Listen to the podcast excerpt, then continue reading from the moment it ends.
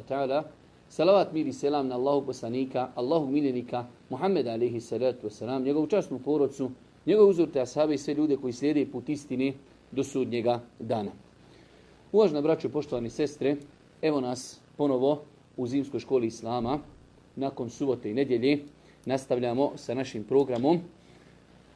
Ovo je, ako se dobro sjećam, 17. emisija u kojoj se mi družimo sa predmetom fikha. Do smo obrađivali mnoge stvari koje se vezuju za namaz. Večeras, ako Bog da, počnemo sa jednom po meni veoma bitnom, interesantnom temom.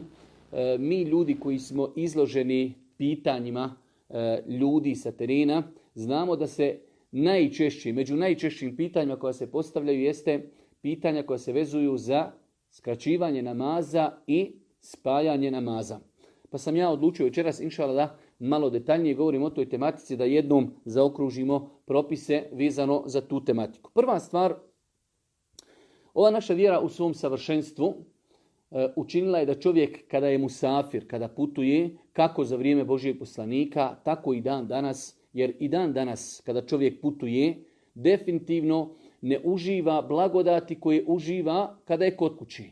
Čovjek kada je na putu, bez obzira možda putovao autom ili putovao avionom, opet tu postoji mnogo poteškoća koje čovjek ne nalazi kada živi kod svoje kući. Pa je Islam u svome savršenstvu čovjeku olakšao mnoge stvari kada su u pitanju badeti na putovanju. Generalno, Allah poslanik ali se ratu je kazao u hadijskoj bilježi imam Buharija, kada čovjek otputuje ili kada se razboli, kada čovjek otputuje, kada je putnik ili kada se razboli, upisuju mu se dijela koja je radio kada je bio kod kuće i kada je bio zdrav. Pa znači, definitivno je da čovjek kada putuje nema više mogućnost da ibadeti kao što ibadeti kada je kod kuće. Allah poslani kaže u vjerodostojnom hadisu da je putovanje dio patnje, dio azaba. I definitivno, bez obzira što danas imamo velike olakšice, opet putovati nije lako. Islam je, rekli smo u svome savršenstvu, e, ponudio čovjeku koji putuje nekoliko olakšica. Prva stvar koju Islam e, stavlja na raspolaganje čovjeku jeste olakšica posta. Mi znamo svi da se Islam gradi na pet temelja, e, izgovaranje riječi la ilaha illa Muhammedu Rasulullah, namaz, post, zekijat i hađ. Post, znači jedan od temelja Islama, čovjek kada je musafir i kada je putnik, dozvoljeno mu je da ne posti. Svakako da će on nakon Ramazana napostiti te dane kod kući. Ali mu je Islam dopustio, znajući da čovjek na putovanju prolazi kroz razno razna, hajde da kažemo, iskušenja i e, veći, veći, e, veći mu je trud potreban na putu nego kada je kod kući, Islam je dozvolio čovjeku da ne posti. Generalno, mi danas živimo u vremenu kada E, i putovanje e, poprilično je olakšano. Pa vidjet ćemo, ljudi putuju autima, auta su klimatizirana, ljudi putuju autobusima, ljudi putuju avionom, ljudi putuju u vozovima, ljudi putuju u brodovima. Mnogo, mnogo su i putovanja olakšana. Ali opet putovanje je putovanje. Pa kažu islamski učenjaci, generalno je pravilo kada je Ramazan i čovjek putuje, poslije ćemo govoriti kolikim putovanjem, ako je čovjek musafir i putnik, može da taj dan ne posti. Svakako, ako, ako je jak, ako ne osjeti neku veliku tegobu, bolje mu je da posti kako bi ispostio u blagoslovljenom mjesecu Ramazanu. Ali ako čovjek ne posti, ne smije mu niko ništa prigovoriti. Sami ashabi kažu, mi smo znali putovati za vrijeme Božih poslanika, pa bi među nama bilo oni koji posti, a među nama bi bilo oni koji ne posti. Pa oni koji poste ne bi prigovarali onima koji ne poste, a oni koji ne poste ne bi prigovarali onima koji poste. Pa je to pravilo Islama, znači da je čovjeku musafiru dopušteno u Ramazanu ako putuje, da ne posti. Ali ako jednostavno ne osjeti, ne osjeti veliku tegobu tokom putovanja, bolje mu je da posti zbog blagoslovljenog vremena, a to je mjesec Ramazan. Druga olakšica koju Islam nudi čovjeku kada je na putu jeste E, potiranje po mjesecama tri dana i tri noći. Mi smo o tome govorili detaljno, jedan, ajde da kažemo skoro pa cijeli čas ove zimske škole islama smo govorili o potiranju po mjesecama i čarapama, pa smo kazali da je islam dopustio čovjeku koji kod kuće boravi da dan i noć potire po čarapama ili po mestvama prilikom uzimanja abdesta, a kada je musafir da može tri dana i tri noći da potire po mestvama kada abdesti, ako je mesta ili čarape obukao na abdestne noge. Znači, na putovanju je ta olašica još veća. Kod kuće je ona dan i noć, a na putovanju je tri dana i tri noći. Treća stvar jeste e, da je Islam dozvolio čovjeku da skrati četvero namazi. Mi smo više puta govorili, u islamu postoji pet dnevnih namaza. Imamo sabah, dva rekiata farza i dva rekiata sunnita. Imamo podni, četvero farz, četiri rekiata farza. Imamo i kindiju, četiri rekiata farza. Po, e, akšam imamo tri rekiata farza i jaci imamo četiri rekiata. Pa imamo tri rekiata, koji, tri namaza koji su četvero rekiatni. Podni, kindija i jacija.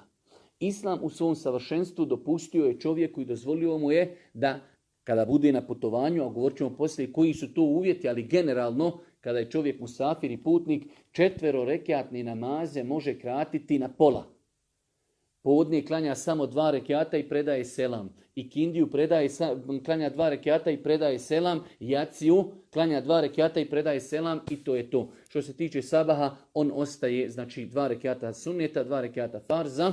Što se tiče akšama, pošto tri rekiata znači je neparan broj, nemoguće je to e, poloviti, pa je i akšam ostao e, znači tri rekiata. Prva stvar znači koju treba da zapamtimo jeste da je kraćenje namaza na putu po konsenzusu islamskih učenjaka dozvoljeno.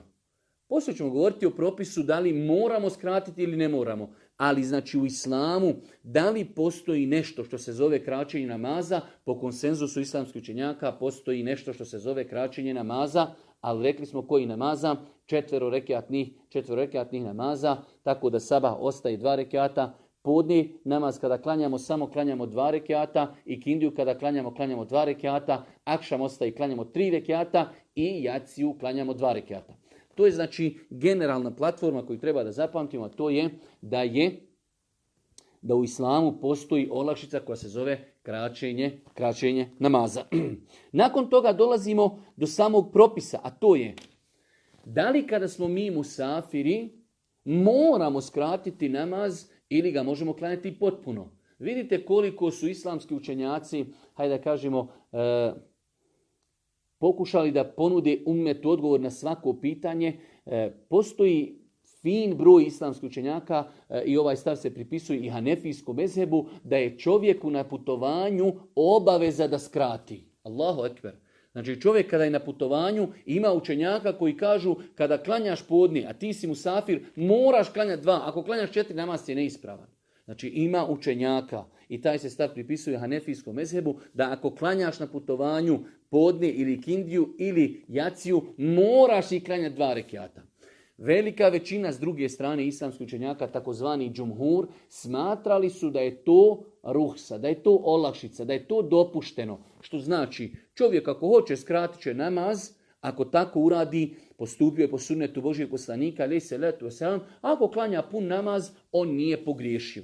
Znači, e, prva stvar, konstatacija, propisano je u islamu. Znači kada kažemo propisan, legitiman je taj postupak. Nije nikakva novotarija, nije ništa neosnovano. Prva stvar, to nam je platforma da je kraćenje namaza legitiman čin u islamu. Nakon toga se ulema razilazi dobro kada smo konstatirali da je legitiman čin, a šta je njegov propis? Da li je obaveza skratiti ili je to samo dozvoljeno i pohvalan čin? Pa smo rekli da postoje dva veoma jaka stava jedan stav je da je obaveza skratiti namaz. Na putu si, putuješ, moraš kratiti namaz i džumhur islamskih učenjaka, većina, velika većina, od kojih su i tri mezeva, smatrali su da je to samo ruhsa, da je to olakšica i da je to dozvoljeno. Znači, čovjek je krenuo putovati, nastupilo je podne, klanja četiri rekiata, po njima to je ispravno, ali je bolje i po njima da klanja dva rekiata. Zašto? Jer je to bila praksa Božijeg poslanika, alihi salatu wasalam.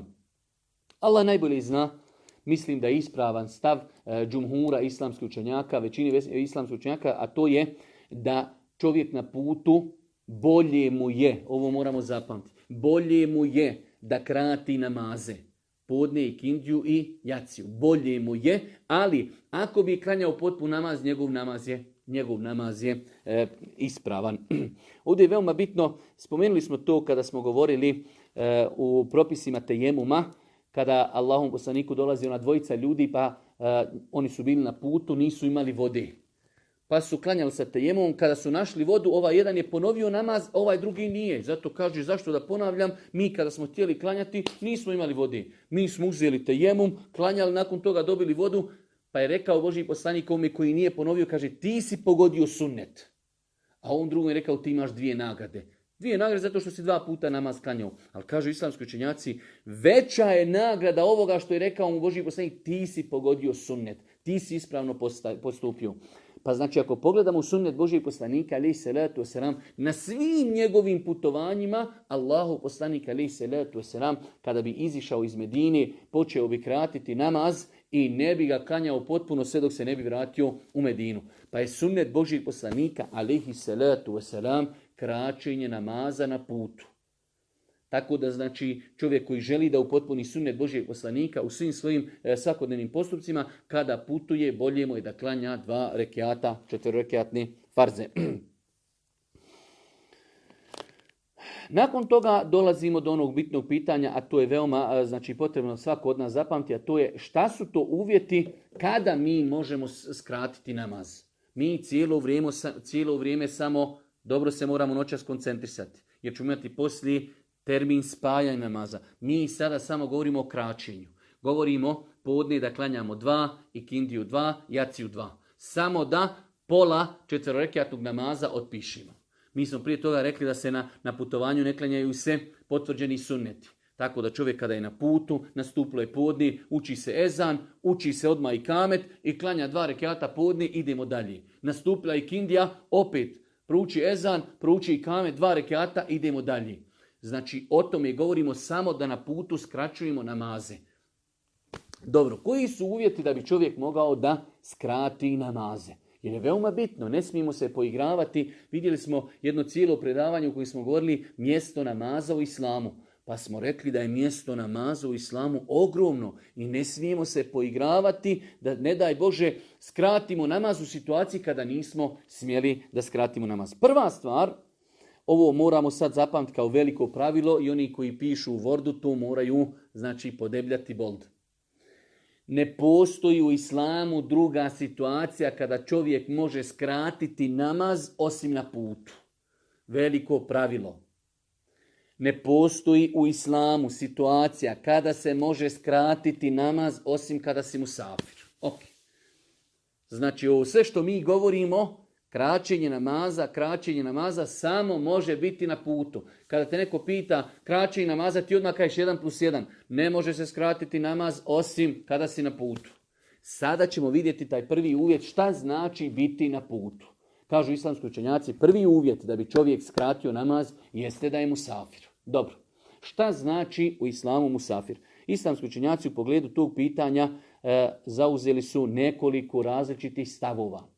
To jest, malo lakšim jezikom pojašnjeno, koliko čovjek minimalno treba da putuje, da njegovo putovanje bude dugo, pa da bi se on smatrao musafir, ako onda za njega kažemo da je musafir, tada može da ne posti, tada može da potiri tri dana, tada može da skraćuje namaz i vi ćemo posti i može čak i da spaja namaze.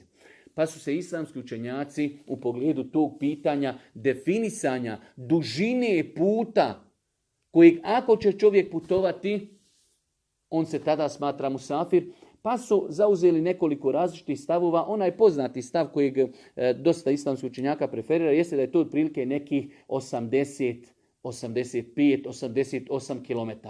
To je taj neki stav koji se vezuje, e, koji se vezuje na e, tome da se putovanje koje će čovjek putovati ograniči.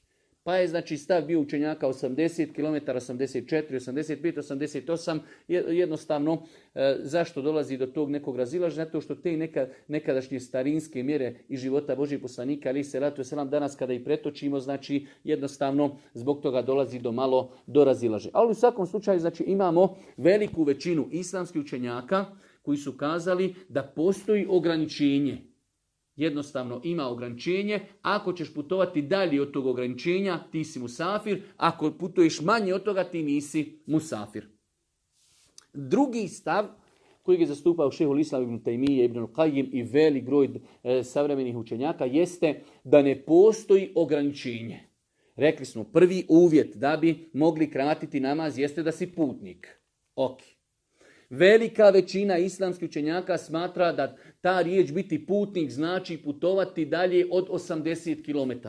Ako nećeš putovati 80 km, ti ne možeš kratiti namaz, jer nisi mu safir. Šeul ibn i velik broj učenjaka savremenog doba kažu ne.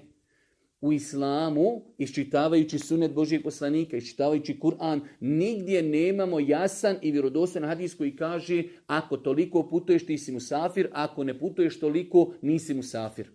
Ne postoji jasan i vjerodostojan hadis. Imaju vjerodostojni, ali nisu jasni. Imaju vjerodostojni hadisi u Buhari i Muslimu, ali nisu jasni da poslanik jasno kaže ko putuje toliko, on može kratiti. Ko ne putuje, ne može kratiti. Allah najbolje zna. Allah najbolje zna, mislim, s aspekta, gledano s aspekta dokaza, stav šehu Islama ibn Taymiye ibn Qajima, da nema ograničenja, mnogo je jači. Stav šehul islama ibn Tejmije mnogo je jači, ali stav da postoji ograničenje je mnogo lakši za praktikovanje. Šehul islama ibn Tejmije i ibn Al-Qajim i drugi učenjaci, oni kažu e, dokazi Kur'ana i sunneta nigdje nisu to precizirali. Pa sve što se u jednom narodu smatra putovanje, to je putovanje. Što god ljudi kažu, e danas otputova. I onda kaže, primjer radi, ide u Zencu čovjek. Evo iz Sarajeva do Zence, ne znam, ima 80 km.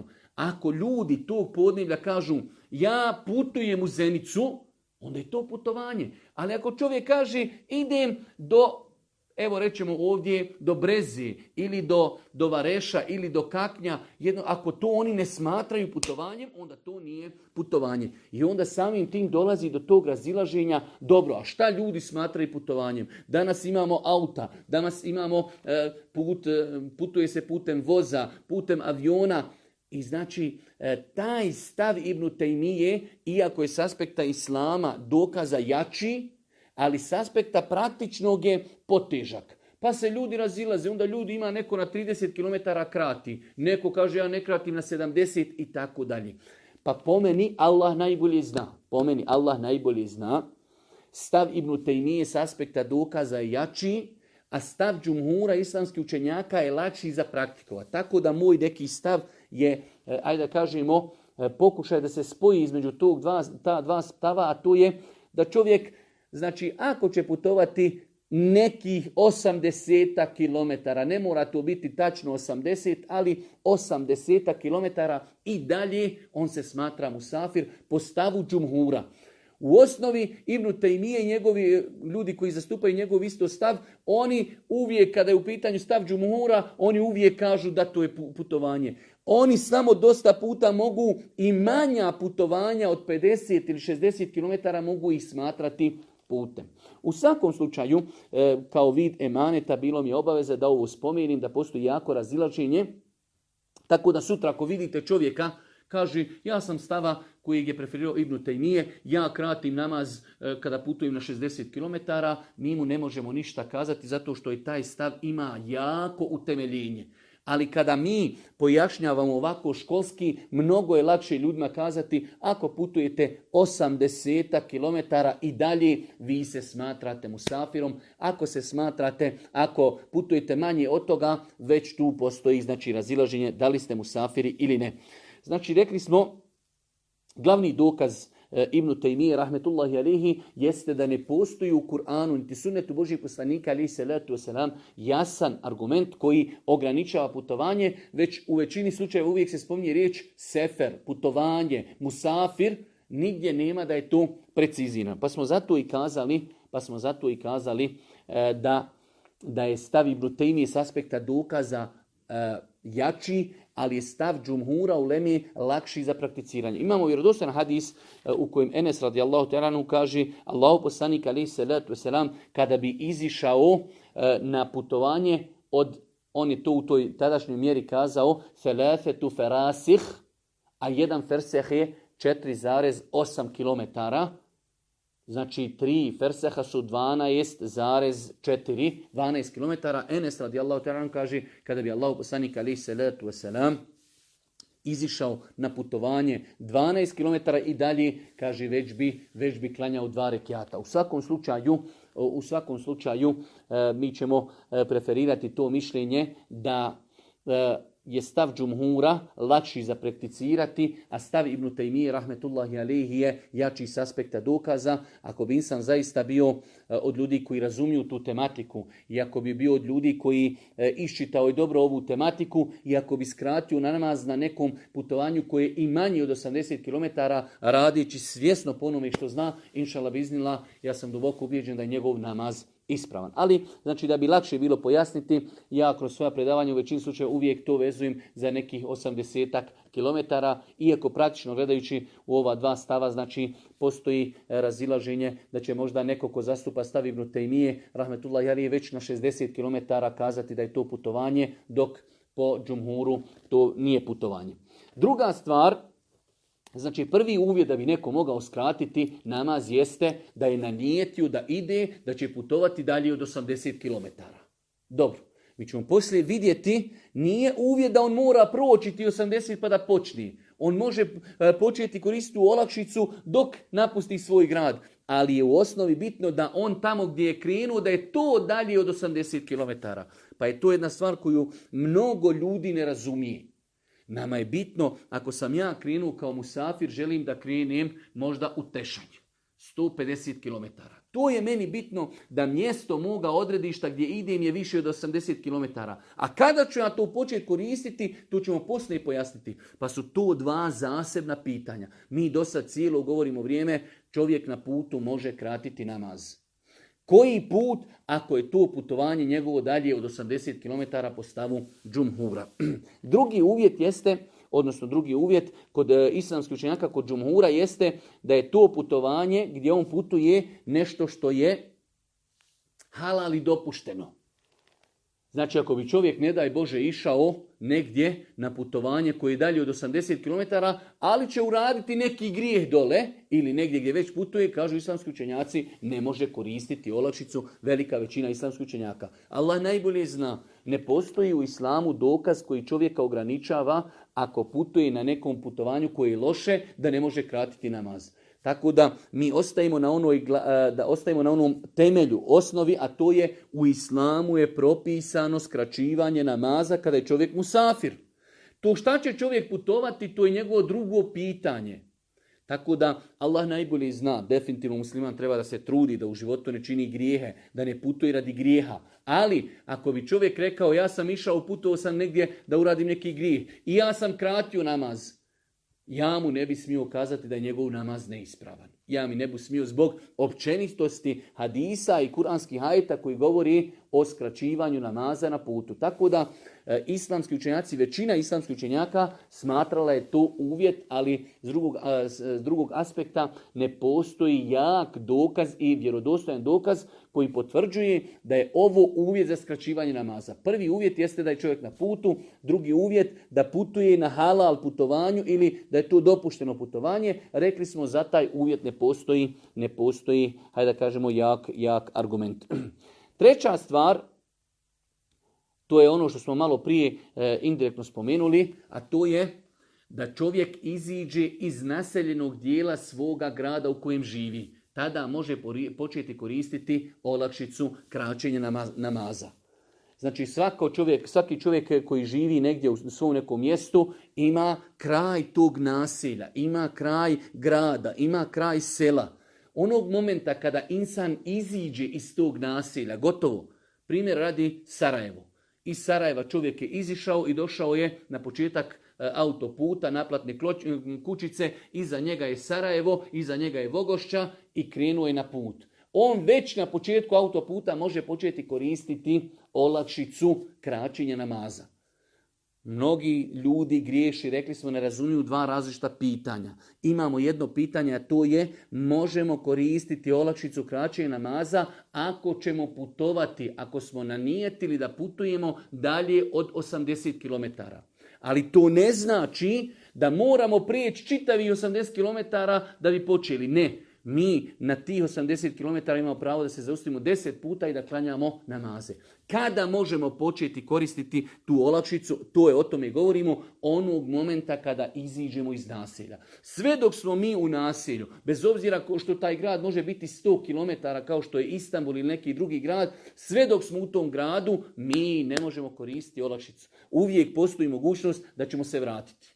Čak islamski učenjaci kažu za gradove gdje su aerodromi unutar grada da čovjek ne može početi koristiti olakšicu skraćivanja i spajanja namaza na aerodromu sve dok je taj aerodrom unutar grada. Imamo gradova kao što je, evo primjer Sarajevo. Aerodrom u Sarajevu je unutar grada Sarajeva, tako da čovjek na aerodromu ne može početi kratiti namaz. Dok imamo druge neke gradove, imamo neke druge gradove gdje su aerodromi izvan grada. Ako je aerodrom potpuno iznesen, izdvojen izvan grada. Čovjek kada krene od kući otišao je na aerodrom, već na aerodromu može početi koristiti e, olakšicu skraćivanja namaza. Vraćamo se u ovom trećem veoma bitnom uvjetu, jer tu dosta puta ljudi griješi i za post i za namaz. Pa ćemo vidjeti čovjek i na nijetju, kaže danas ću putovati, ja danas ne postim.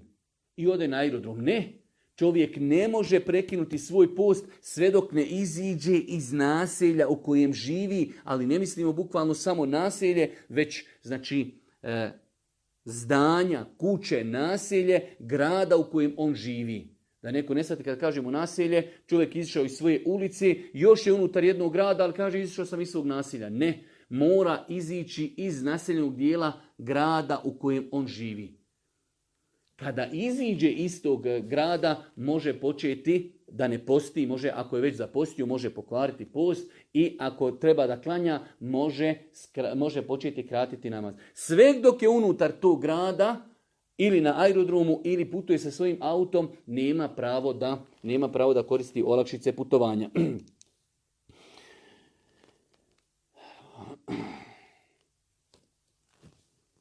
Ovdje imamo jednu situaciju, a to je Može li se desiti? Primjer radi, evo sada nam je Sada nam je podne otprilike u 12 sati, a ikindija je oko pola tri, primjera radi.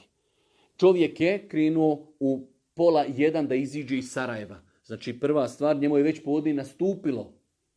Ali krenu, izlazi i iziđe izan Sarajeva i dole negdje na autoputu skrati podni namaz. Može li tako postupiti? Može.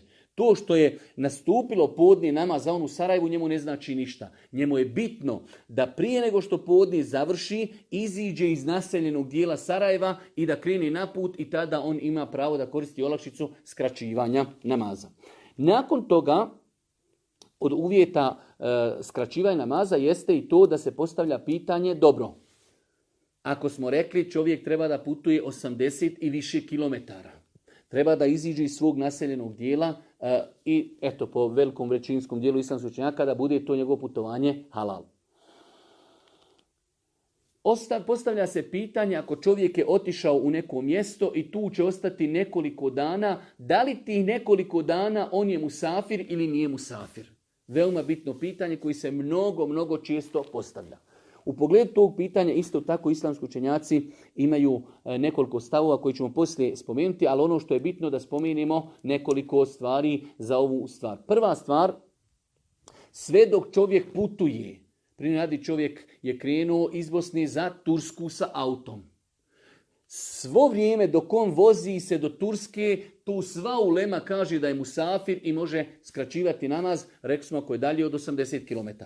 Znači kada bi čovjek vozio se 15 dana, 20 dana, mjesec dana, vozi kontinuirano, putuje, pješači, on je musafir. Znači samo je problem kada odsjedni, ali to kada on putuje, svi kažu da može kratiti namaz. Druga stvar, ako bi čovjek odsjeo u nekom mjestu, i ne zna koliko će odsjesti u smislu čeka nešto da završi pa će se vratiti kući. A to njegovo čekanje može biti dan, može dva, može tri, može četiri, a može biti i petnaest. Očekuje nešto.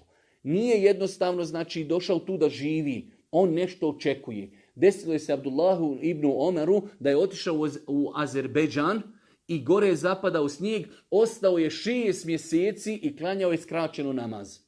Znači čovjek ako negdje ode, i čeka da završi neki posao, ne zna kad će se vratiti i takav insan ima pravo da skraćuje namaz. Znači prvi je onaj koji je u toku putovanja. Makar putovanje bilo, čovjek ide za Tursku, čovjek ide za Pakistan, vozi se mjesec dana autom, cijelo vrijeme putovanja on je musafir.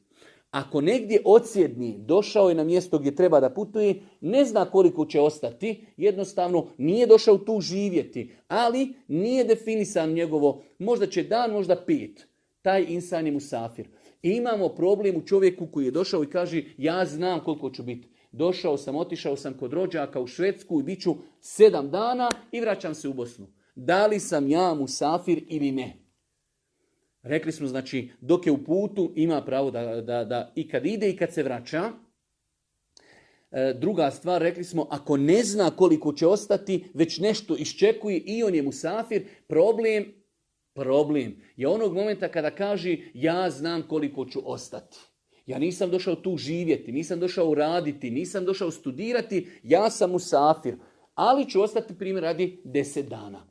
U pogledu tog pitanja islamski učenjaci su se razišli. A prije toga, ovo se sve odnosi u tih deset dana, evo primjer radi deset dana, jeste kada on sam klanja. Čovjek ako dok je negdje odsjeo u nekom gradu, u nekom selu, u, nekoj državi i tu ima džemat, i tu ima džamija i on ide klanjati u džemat, on mora klanjati za efendijom četiri rekiata. Tako da nama ostaje jedina verzija, čovjek je otputovao više od 80 km odsješće desetak dana i sam ponekada klanja kod kući. Ona koji ide u džemat mora klanjati četiri kjata. U pogledu tog pitanja islamski učenjaci, islamski učenjaci su se razišli u nekoliko stavova. Pa ćemo vidjeti da je bilo učenjaka koji su kazali ako će biti više od četiri dana, gotovo, on nije više musafir. Znači došao je čovjek rodbini u Švicarsku, u Švedsku i kaže ostaću kod vas sedam dana. Njima nije drago, veli bolan bolje ti da ostaneš četiri dana, da moraš stačivati namaz, da ga mogu prije liferovat, on kaže ostajem sedam dana. Velik broj učenjaka kaže pošto si više od četiri dana nisi mu safir. Ima u Lemije koja kaže 15 dana. I ima razno raznih drugih stavova. Generalno je pravilo danas zapamtite kada god vidite da su se učenjaci razišli u različite stavove i ti stavovi imaju velike osilacije, znajte da u tom pitanju ne postoji dokazi. Pogledajte, jedni kažu ako si četiri dana ostao, ti si musafir, a ako ćeš ostati više, nisi musafir. Jedni kažu 15, jedni kažu 19, jedni kažu 20. To nam ukazuje da u tom pitanju ne postoje dokazi. Pa je ispravno i tačno da i to njegovo odsjedanje u nekom mjestu nije ograničeno. Nije ograničeno. Ovo moramo sad dobro shvatiti. Čovjek je otišao kod rođaka u Švedsku, iz Bosne. Dok putuje do Švedske, on je musafir. Kad se bude vraćao iz Švedske, musafir je. Ako je gore otišao, ne zna nekoliko dana koliko će ostati, on je musafir. Ali je došao i kaže, ja hoću da ostavim deset dana. Mi kažemo takvoj osobi, ti si musafir. Ne postoji u hadisima Božijeg poslanika niti jedan hadis koji kaže, ako četiri dana sjediš negdje kao musafir, ti si musafir ako više nisi. Niti 15, niti 19, niti 20. Islamski učenjaci su to shvatili na osnovu postupaka poslanika sram. Drugo veliko islamsko pravilo, sami postupci Božijeg poslanika u islamu ne ukazuju da je nešto vađib. Kada nešto Božiji poslanik samo uradi, sam taj njegov postupak ne znači da je to vađib. Pa i ovdje, to što je Boži poslanik nekada putovao samo četiri dana i vratio se, Nigdje nije ograničio. Imamo drugo putovanje gdje je putovao 15 dana. Imamo treći kada je putovao na Tebuk 20 dana putovao i non stop je kratio. Tako da znači tačno je mišljenje da ne postoji granica koliko ću ja sjediti pa ću pa sam ili nisam u safir. Ali ovdje moramo razgraničiti kako ne bi ljudi pogrešno shvatili, otišao je čovjek živiti e, u, u Švedsku negdje ili Njemačku raditi tri mjeseca, kaže, eh, pa tamo, piše, rekao, nije ograničeno. Ne. Znači, sve dok si ti tu došao kao musafir, ali onog momenta ako sam ja došao studirati i bit ću tu jedan semestar ili sam došao tri mjeseca raditi, imam svoj stan i živim i internet, imam e, svoje auto, onda to više čovjek nije musafir. Mi govorimo o čovjeku koji zaista musafir i kod god da ga tu upita, kaže mu, brate, isto ti došao živjeti? Ne, ne, ne, ja došao malo da posjetim rodbinu. Ali razlika je kada čovjek dođe kaže, ja došao rati i ovdje sjedim. Ja sam ovdje tri mjeseca. Ili ja sam ovdje e, šest mjeseci. Ili ja sam ovdje došao na godinu dana. To je već došao čovjek da odsjedni. To je njegova adresa. Tako da veoma je bitno napraviti razliku između ova dva pitanja kada kažemo nije ograničeno, ne možemo ograničiti na 5, 7, 10, 12, 19 ili 20 dana, sve dok je čovjek tu došao sa nekim poslom kao musafir. Onog momenta kada dođe on i ima svoju sobu i živi, ima svoj auto, on više sigurno tu nije musafir i on se jednostavno ne razlikuje od drugih ljudi. On ide u kupovinu, ide na posao, ide u džemat. Zašto bi on uživao olakšice putovanja? Duboko se, inšala, nadam, duboko se, duboko se, inšala, nadam da smo razumjeli ovo pitanje. Ne bi volio da, da ostanemo nedorečeni. Rekli smo čovjek kada putuje toku putovanja musafir je, kad se vraća u toku putova, e, iz putovanja kući, on je musafir. Ako je došao u neko mjesto i očekuje povratak, ne zna kada će se vratiti, on je musafir ostaje situacija kada je došao i zna da će određen, dan, određen broj dana ostati kao 7 dana, 10 dana, pa i 15 dana, ali on je došao da obiđe rodbinu i vratit će se. Mi kažemo ne postoji ograničenje. Sve dok je čovjek došao, ne želi da tu ostane, ne želi da se vezuje poslom, ne želi da e, znači živi, već je došao kao musafir, mi kažemo da za njega vrijede propisi putovanja. Kada? Kada klanja sam ako dolazi klanjati u džamiju, on mora klanjati četiri rekiata za imamom. I rekli smo e, da je ispravno to mišljenje iz razloga što nigdje ne postoje dokazi da je Allah to ograničio. S druge strane, toliko je e, hadisa u kojima stoji da je Allah putovao, odlazio, vraćao se i svi hadisi koji govori o Božijem poslaniku kaže se počeo je kratiti namaz od momenta kada je izišao iz Medine i kratio je sve dok se nije vratio u Medinu. Nigdje nije rečeno da je Boži poslanik Ali se Selam na putovanju kada bi ocijao, da bi on upotpunjavao svoje namaze.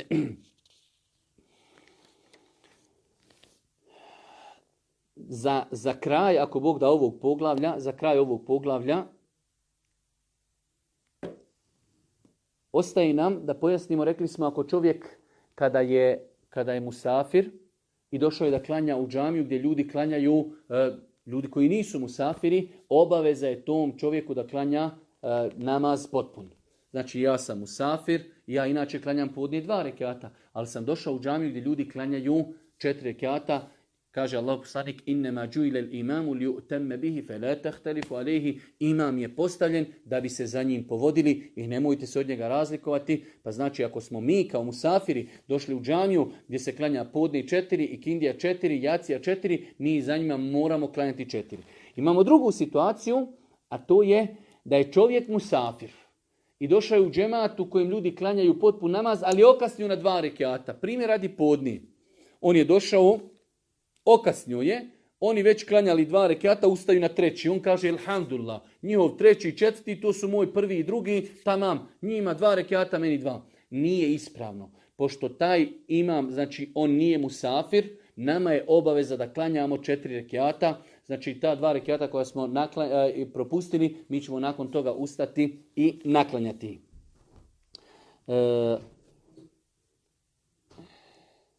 Rekli smo, i to ćemo inšala ponoviti, ja evo vidimo ovdje po, po nekoj našoj satnici, možda je ovo predavanje malo i kratko, ja sam mislio i noćas u ovom prvom predavanju da završimo ispajanje namaza, ali ne mislim da ćemo, da ćemo moći to sve završiti, e, pa ćemo najvjerojatnije napraviti ovu kraću pauzu. U svakom slučaju, rekli smo da je propisano na, na putovanju da čovjek ne klanja, da čovjek ne klanja potvrđene sunnete, da čovjek ne klanja potvrđeni sunnet osim sabahskih sunneta i osim vitr namaza. Isto tako, e, to što ne klanja čovjek potvrđene sunnete ne isključuje opciju, i to smo jednom ili više puta spominjali, da čovjek klanja opću na filu. Znači, nama je Islam dopustio da četvrrekatni namaz skratimo na pola. I nelogično je da mi iskraćujemo namaz, a klanjamo potvrđene sunnete. Ali se može desiti da čovjek u toku putovanja putuje u avionu, putuje u autu kao suvozač ili u, znači negdje na brodu i jednostavno ima slobodnog vremena, bila je podni namaz, on je skratio podni namaz, ali jednostavno ima slobodnog vremena, hoće da klanja na filu, kažemo može čovjek da klanja općenito na filu ali nije od suneta da klanja potvrđene sunete. Svakako ako bi čovjek klanjao, ne možemo mu kazati da je neispravno, ali malo nelogično. E, nama je gospodar dozvolio da na putovanju skratimo namaz, znači farz, i onda čovjek klanja potvrđene sunnete. Pa čovjek, znači, kada je na putovanju, neće, neće klanjati potvrđene sunnete, ali ako ima dne raspoloženja, kao što je zabilježeno u više hadisa, da Boži poslanik na svojoj jahalici, na svojoj devi klanjao okrenuto nakon kako ide njegova deva, čovjek može klanjati opću na filu. Znači samo da ponovimo ova zadnja tri propisa, čovjek musafir, ako rekli smo, ako e, skraćuje namaz i došao je u džemađe se klanja e, potpun namaz, on mora klanjati sa njima potpun namaz. A ako bi se desilo obrnuto, da čovjek koji musafir klanja namaz, a za njim ljudi koji nisu musafiri, oni će svakako, kada on preda selam nakon drugog rekiata, oni će ustati klanjati treći četiri rekat. Imamo znači situaciju musafir klanja za imamom koji nije musafir. Tada je u obaveza da klanja četiri rekata. Imamo obrnuto. Čovjek musafir, on klanja svoja dva rekata, on tako je, znači pogotovo koji stava da je e, obaveza kratiti namaz, on klanja dva rekata preda selam, ljudi iza njega ustaju i naklanjavaju dva rekata. Imamo situaciju kada imam nije musafir, a čovjek iza njega je musafir, ali je okasnio dva rekiata. Tamam, ovaj treći, četvrti rekiat koji ću imam klanjati su mi prvi i drugi rekiat. Ali kažu islamski učenjaci, pošto je tu namaz imama koji nije musafir, njemu je obaveza, bez obzira što je stigao dva rekiata i to bi se moglo smatrati da je tu njegov musafirski namaz, Prenesene su fetve od ashaba da su u takvoj situaciji e, smatrali da čovjek mora klanjati potpun namaz. Rekli smo za kraj da čovjek na putovanju ne klanja potvrđene sunnete osim sabarskih sunnita, osim vitr namaza, a ako ima da ragbeta i želji da klanja e, opću na filu, inšala može. Ja sam bio planirao da u ovom predavanju govorimo i o spajanju namaza, ali definitivno E, ne bi onda, ili bi nam bilo predugo predavanje, zato ćemo mi napraviti ovdje kraću pauzu. Inša Allah, brzinski se vraćamo na jedno novo poglavlje, a to je e, spajanje namaza. Subhanaka Allahumma da bihamdike, ešhedu in la ilaha ilan stakfiruke, ve tubu oh.